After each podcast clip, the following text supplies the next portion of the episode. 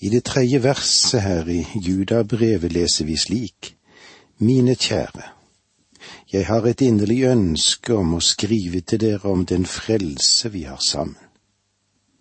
Men nå ser jeg meg tvunget til å sende dere noen formanede ord om å kjempe for den tro som en gang for alle er overgitt til de hellige. I brevet her så forteller Judas at han egentlig hadde tenkt å skrive et annet brev til de, som det sies om den frel felles frelse vi har sammen, eller om vår felles frelse. Altså et brev av en mer allmennkristelig karakter, hvor han ønsket å dele med de sitt syn på frelsen i, Krist, i Kristus Jesus. Det har ligget han sterkt på hjertet, dette, å ta opp dette temaet. Jeg gjorde meg flid, eller all flid, altså en hast og iver etter å få gitt dette budskapet til de som han ønsket å nå frem med dette brevet til. Jeg har hatt et inderlig ønske om å skrive. Men så har det altså hendt alvorlige ting blant de kristne han skriver til.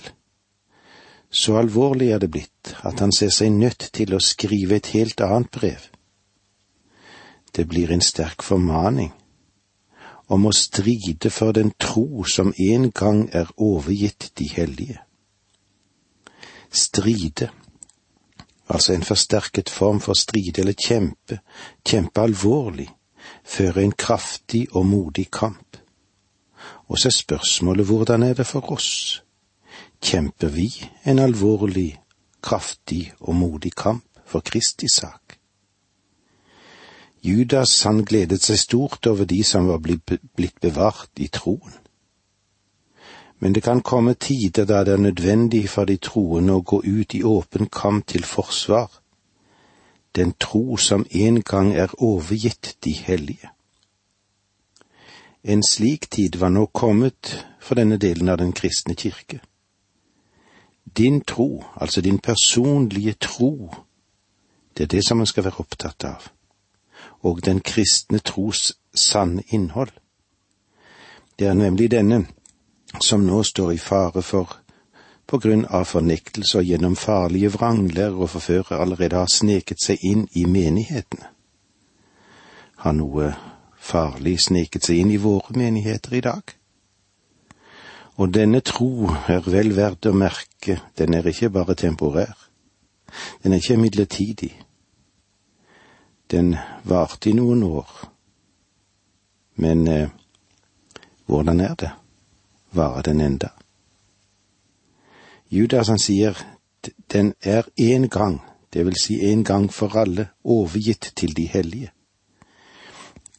Judas sikter her til den apostoliske læretradisjonen, som er blitt den faste og uforanderlige norm for den sanne og sunne lære når han nå kaller de troende for de hellige, er det nok for å markere forskjellen mellom dem og den ugudelige og verslige delen eller miljøet som de står midt oppi. Ja, en av de som holder på å påvirke den kristne menigheten. Mine kjære, jeg har hatt et inderlig ønske om å skrive til dere om den frelse vi har sammen men nå ser jeg meg tvunget til å sende dere noen formanende ord om å kjempe for den tro som en gang for alle er overgitt til de hellige. Nå sier altså Judas her at han har en tanke om å skrive om en side av vår frelse. Det kunne jo ha vært angående forsoningen. Det kunne jo vært om Kristi person, dette. Det kunne jo også ha vært om helliggjørelsen. Ja, her er en rekke andre temaer som kunne blitt tatt opp. Men han skrev ikke om noen av disse sakene. For jeg ser meg tvunget til å sende dere noen formanede ord om å kjempe for den tro som en gang for alle er overgitt til de hellige. Tanken er vel her at Den hellige ånd hindret Judas i å skrive om et tema angående troen, for at han kunne heise et varselsignal angående den kommende frafallsperioden.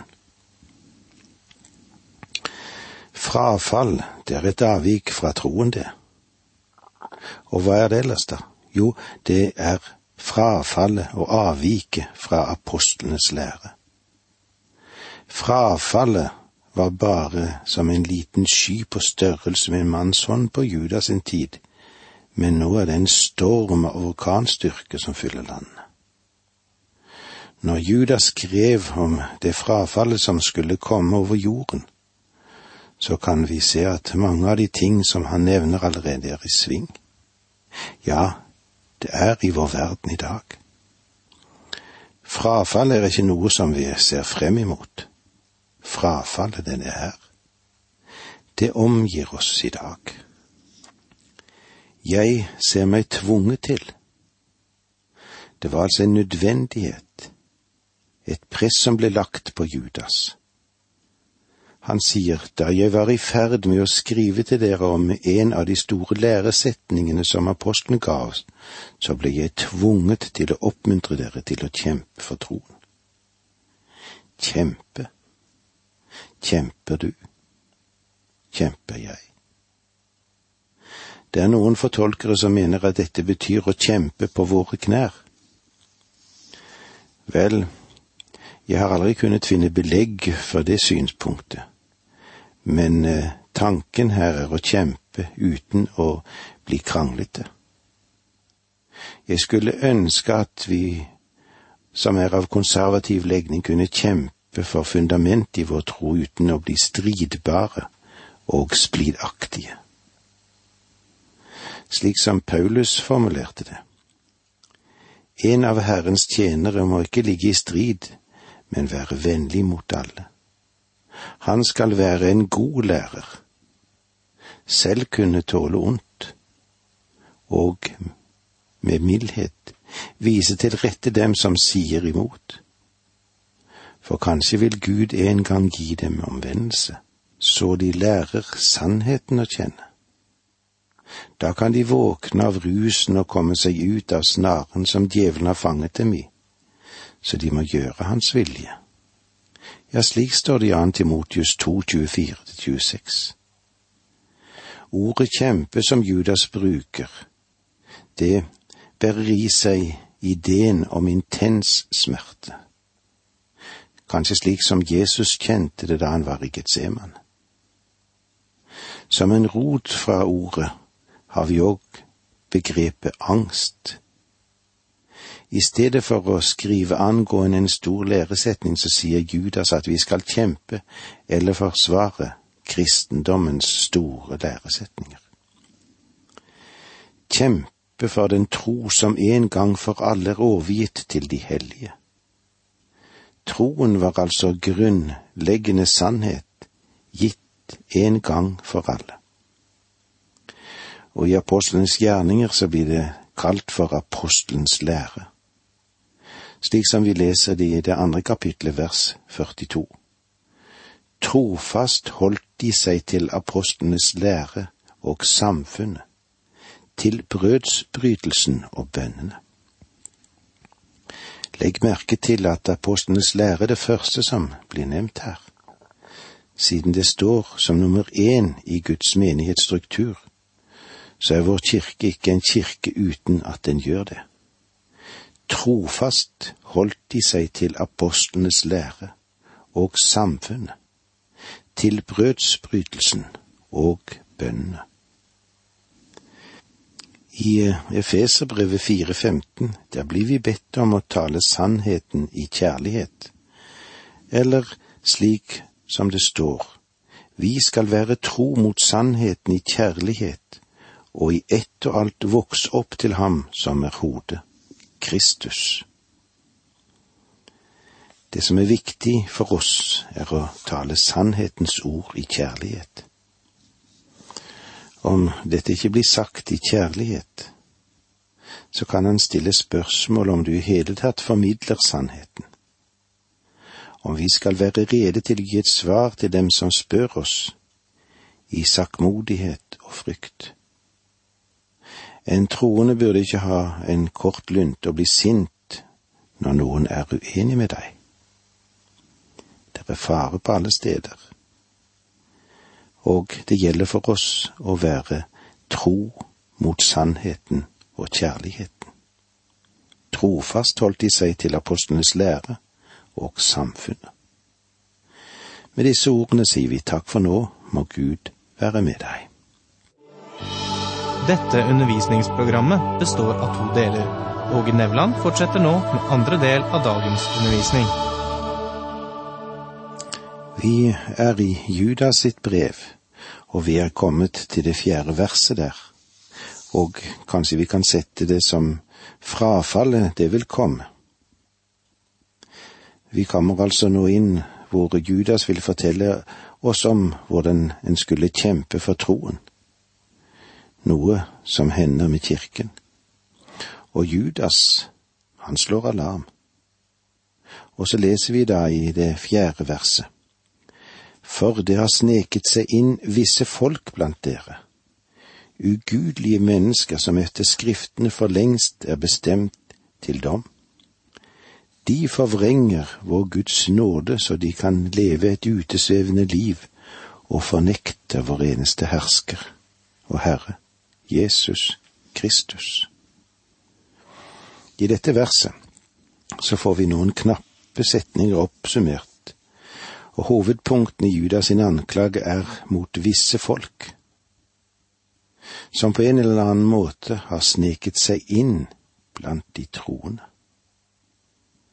Så mye er klart at dette ikke er troende mennesker.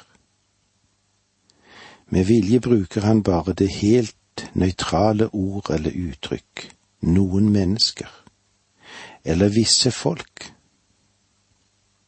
og med en tydelig undertone av en distansering. De er verken brødre, hellige eller troende. For å komme inn i menigheten har de dessuten brukt metoder som bærer preg av smartness, kanskje noe lureri. De har sneket seg inn, sier Judas. Komme på innsiden av, altså de har kommet inn i hemmelighet, eller de har skjult sin inngang til dette. Muligens har de som forkynnere seilt under falske flagg, og det har vi jo sett. De kan ha foregitt seg som nådens forkynnere, men ettersom tiden er gått, har det hele vist seg å være en fullstendig forvrengning av nåden. Det er tre hovedanklager Judas reiser mot disse folkene. Anklager som kommer igjen gang på gang i dette brevet. For det første er de ugudelige eller gudløse. ikke bare betegnelse på mangel på gudstro, men aktivt og frekke mennesker, frekke, gudløse mennesker. For det andre så forvender de eller forvrenger de Guds ord, og de forvrenger Guds nåde til skamløshet. Det er den gamle synd som Paulus har behandlet, slik som vi ser det i Romerbrevet 6.1. Hva skal vi da si? Skal vi fortsette å synde for at nåden kan bli enda større? Slett ikke. Vi som døde bort fra synden, hvordan kan vi fremdeles leve i den? Eller vet dere ikke at alle vi som ble døpt til Kristus Jesus, ble døpt til hans død? Vi ble begravet med ham da vi ble døpt med denne dåp til døden for at vi skal leve det nye livet, like som Kristus ble reist opp fra de døde ved Faderens veldige kraft. Nåden, den blir gjennom disse menneskers virksomhet omskapt til en karikatur. I stedet for å føre de til å bli hellige og gudfryktige mennesker, bruker de den til å dekke over seksuell løsluppenhet og til utesvevelser. For det tredje nekter de vår eneste hersker og Herre Jesus Kristus. De kan i det minste til å begynne med ha brukt ordet Guds nåde. De kan ha talt om den, for på den måten å vinne innpass blant de troende. Men så har det senere skjedd da. ikke minst på grunn av deres praktiske livsholdning, har kommet for dagen at de har tømt ordet for sitt egentlig guddommelige innhold. Og så har det resultert i sekularisering. Nettopp ved sin selviske og udisiplinerte livsførsel blir de i praksis fornektere av vår eneste hersker og Herre Jesus Kristus. Hersker. Enehersker. Det er det de blir. Den aller første trosbekjennelse, det som de kristne hadde for seg, var å åpent bekjenne seg til at nettopp Jesus er Herre. Han er Herren. Ingen kunne motta Jesus som frelser uten at han i samme øyeblikk også mottok Jesus som Herre. Judas kan vanskelig få uttrykt sin forferdelse og avsky for en så gjennomført fornektelse av et av de mest sentrale punkter i den kristne tro. Derfor venter også dommen dem, en dom som allerede for lenge siden er oppskrevet for dere. For det har sneket seg inn visse folk blant dere, ugudelige mennesker som etter Skriftene for lengst er bestemt til dom. De forvrenger vår Guds nåde så de kan leve et utesvevende liv, og fornekter vår eneste hersker og Herre Jesus Kristus. Ugudelige mennesker som etter Skriftene for lengst er bestemt til dom. Vi må se litt mer på dette. Det betyr egentlig at de var avskrevet på forhånd. Ordet bestemt til betyr å skrive på forhånd. Det betyr ganske enkelt at andre forfattere, de har gitt varselsignaler om frafallene. For det har sneket seg inn visse folk blant dere. Kanskje vi kan òg oversette det med at de har krøpet inn? Og dette er et ganske interessant begrep og ordene i det greske språket kan gi oss kanskje et litt bedre bilde på dette her. Paraisdyno. Dyno betyr å gå inn i. Preposisjon eis betyr inn i, og para betyr ved siden av. Det betyr å gå inn ved siden av, eller å gå inn i en sidedør. Det er slik de frafalne er kommet inn i menigheten, inn i kirken. Vi lever i en tid da vi sannelig synes å ha mange slike sidedører. De kommer inn og bekjenner en ting, og så tror de en annen ting. De kommer ikke inn hoveddøren. Det vil si at de klargjorde ikke sin læremessige stilling. Mange gode lekfolk de er ført vill av geistligheten som er kommet inn sidedørene. Bibelen har advart mot disse. For eksempel så skrev Paulus til korinterne om dette. Disse er falske apostler, troløse arbeidere som opptrer som de var Kristi apostler. Det er ikke noe å undres over, for selv Satan skaper seg om til en lysets engel. Da er det ikke merkelig at hans tjenere skaper seg om til tjenere for rettferdigheten men til slutt skal de få lønn etter sine gjerninger, står det i Jan Korinterbrev 11, 13-15. Uttrykket som kommer frem her, skape seg om til. Ja, dette er òg ganske interessant. Det virker kanskje litt komplisert, men det betyr den prosess et enkelt menneske gjør ved å forandre sitt ytre uttrykk, ved å anta en annen form, ikledd fra utsiden. Det er evangelistens ord, dette, som forteller om ulv i fåreklær. Dette er Satans metode. Husk at Judas sa at de etter Skriftene for lengst er bestemt til dom. Det vil si at de var avskrevet på forhånd.